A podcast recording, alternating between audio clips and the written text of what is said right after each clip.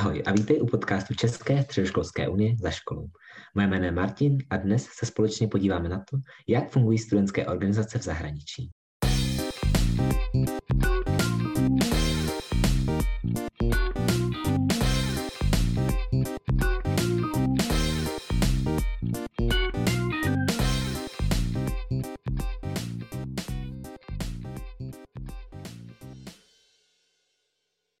Naším dnešním hostem je Kristián Krivda, prezident Slovenské aliance středoškoláků. Kristiáne, těší mě. Podobně, děkuji za pozvání. Já taky, ještě jednou děkuji za pozvání. A hned za začátku bych se zeptal, jak ty osobně jsi se dostal ke studentskému aktivismu?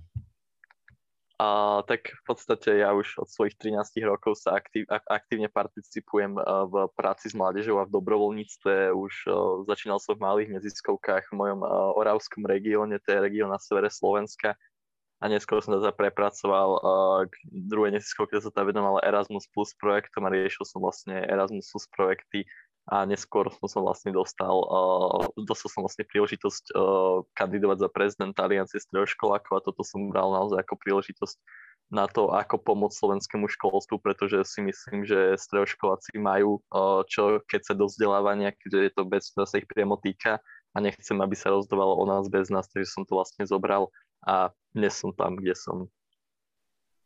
Mm, v návaznosti bych tě poprosil, jestli bys nám pověděl něco málo o Alianci.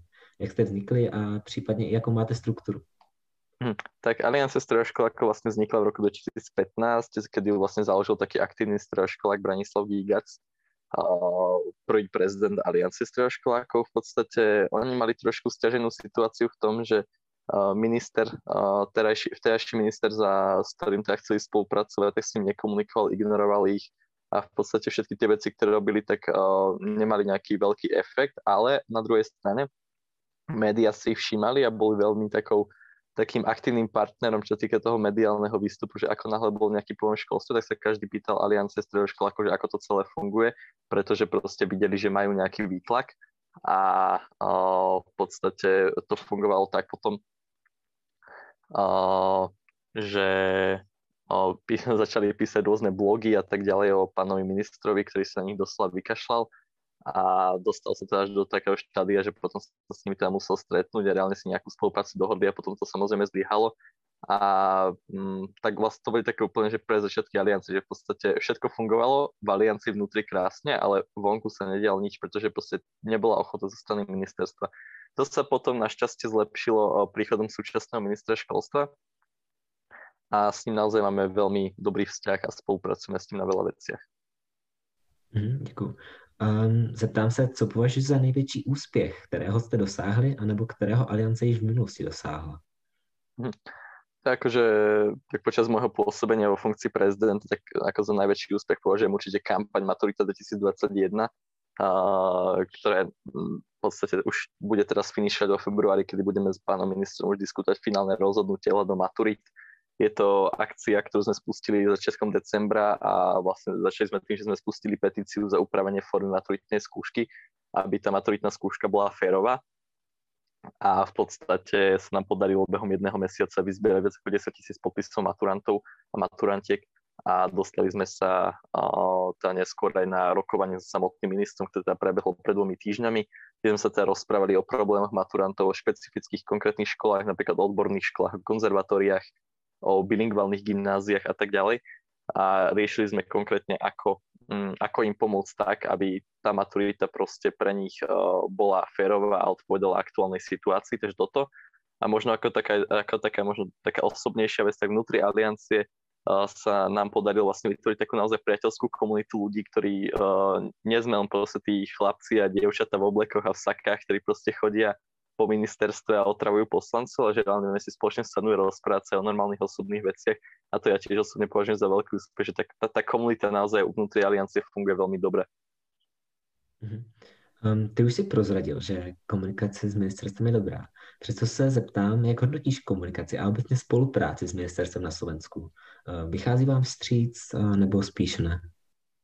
A určite. A pán minister, uh, vlastne pán minister Braňo Greling, on je naozaj um, už od už dl- veľmi dlhý čas sa venuje školstvu a v podstate už ešte v čas, keď nebol ministrom, ale bol opozičným poslancom, v Národnej rade Slovenskej republiky, tak už v podstate v tých časoch s Alianciou stredoškolákov spolupracoval. Táto spolupráca samozrejme pretrvávala aj, v čase, keď sa, keď sa stal ministrom školstva a v podstate my, my ako Aliancia sme po roku a pol začali fungovať. My sme boli rok a pol nefunkční a po roku a pol to bolo, my sme vznikli v, o, začiatkom júna, tak znovu vznikli začiatkom júna a v podstate o mesiac na to sme mali už prvé stretnutie s ministrom školstva, na ktorom sme sa dohodli o ďalšej spolupráci. Dohodli sa, že budeme spolupracovať na veciach, že sa vytvoria pracovné skupiny, ktoré sa budú venovať našim požiadavkám a tá spolupráca v podstate trvá doteraz, takže ja ho hodnotím veľmi kladne a som naozaj za to rád, že náš pán minister je takýto otvorený stredoškolákom a počúvať nás a je ochotný sa s nami stretávať a riešiť s nami veci pre stredoškolákov. Já pokud se nepletu, tak Aliance není jediná studentská organizace na Slovensku. Um, existuje ještě i Středoškolská studentská unia Slovenska. Uh, spolupracujete na něčem a případně jaké máte vztahy společné? Aktuálne s, s Troškovskou študentskou uniou Slovenska nespolupracujeme a v najbližšej dobe nemáme projekty, ktoré by sa nejakým spôsobom prelínali s ich pôsobením. Myslím si, že sme dve veľmi odlišné organizácie s inými cieľmi, ale nevylúčujem spoluprácu do budúcna. Práve naopak, bol by som rád, keby sme niečo spoločne vymysleli. Mm-hmm, děkuji. Um, zeptám se, co by se ti líbilo, kdyby se změnil na slovenském školství? Jo, tých vecí je veľmi veľa.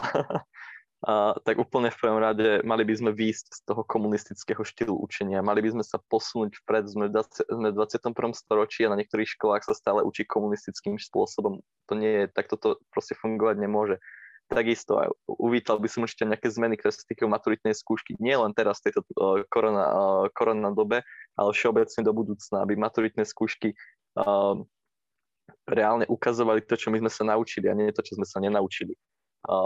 Takže toto je ďalšia vec. Potom jedna, určite by som tak chcel, aby o všetkom, čo sa rozhoduje v školstve, aby k tomu boli uh, prizývaní všetci, ktorí sa to týka, aby, aby k tomu boli prizývaní študenti, učitelia, zamestnanci ministerstva školstva, uh, riaditeľia škôl a tak ďalej, aby to naozaj všetky tie rozhodnutia, aby tvorili takéto poradné orgány, ktoré sa tým veciam reálne rozumejú a tie veci sa ich reálne týkajú na dennodennej báze. Takže asi toľko.